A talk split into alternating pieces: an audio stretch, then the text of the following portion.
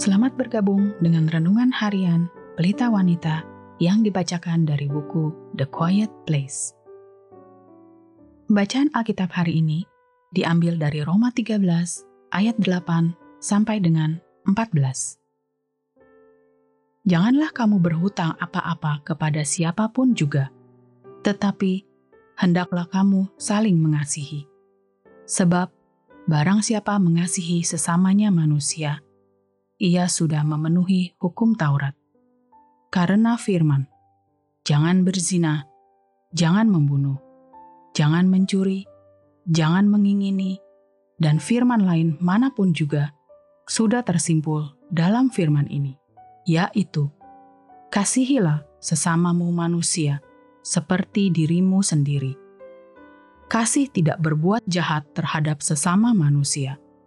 Karena itu, kasih adalah kegenapan hukum Taurat. Hal ini harus kamu lakukan karena kamu mengetahui keadaan waktu sekarang, yaitu bahwa saatnya telah tiba bagi kamu untuk bangun dari tidur. Sebab sekarang keselamatan sudah lebih dekat bagi kita daripada waktu kita menjadi percaya. Hari sudah jauh malam, telah hampir siang. Sebab itu, marilah kita menanggalkan perbuatan-perbuatan kegelapan dan mengenakan perlengkapan senjata terang. Marilah kita hidup dengan sopan, seperti pada siang hari. Jangan dalam pesta pora dan kemabukan. Jangan dalam percabulan dan hawa nafsu. Jangan dalam perselisihan dan iri hati. Tetapi, kenakanlah Tuhan Yesus Kristus sebagai perlengkapan senjata terang, dan janganlah merawat tubuhmu untuk memuaskan keinginannya. Ayat kunci hari ini adalah dari Roma 13 ayat 14. Tetapi, kenakanlah Tuhan Yesus Kristus sebagai perlengkapan senjata terang, dan janganlah merawat tubuhmu untuk memuaskan keinginannya tindakan drastis.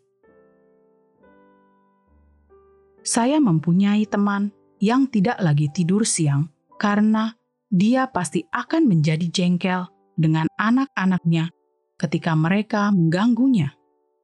Dia berkata, "Saya memutuskan untuk tidak tidur siang karena kejengkelan kepada anak-anak dapat membawa diri saya jatuh dalam dosa."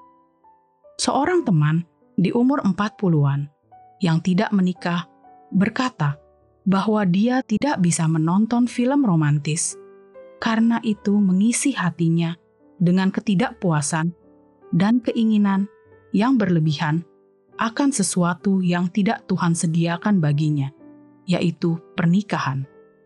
Seorang wanita yang lain berbagi bahwa demi keinginannya untuk menjaga kesucian, dia bahkan harus mengganti dokter anak.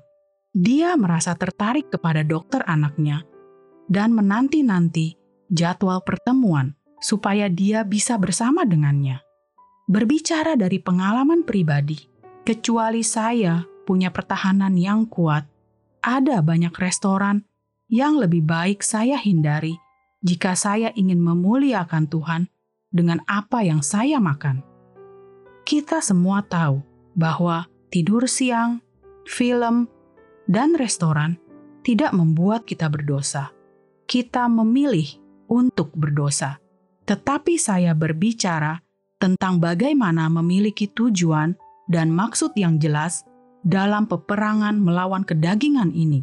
Bagaimana kita berkeinginan untuk menghilangkan apa pun yang memicu selera yang tidak kudus, atau apa pun yang menggoda dan memberi kesempatan untuk berdosa. Saya serius tentang hal ini, dan Anda juga seharusnya demikian. Hal-hal apa yang memicu dan situasi-situasi apa yang sering membawa Anda kepada kesenangan diri yang egois? Apakah alkohol, atau internet, atau game komputer, atau film romantis? Saat Yesus berkata, "Dan jika tanganmu yang kanan menyesatkan engkau, penggala, dan buanglah itu. Matius 5 ayat 30.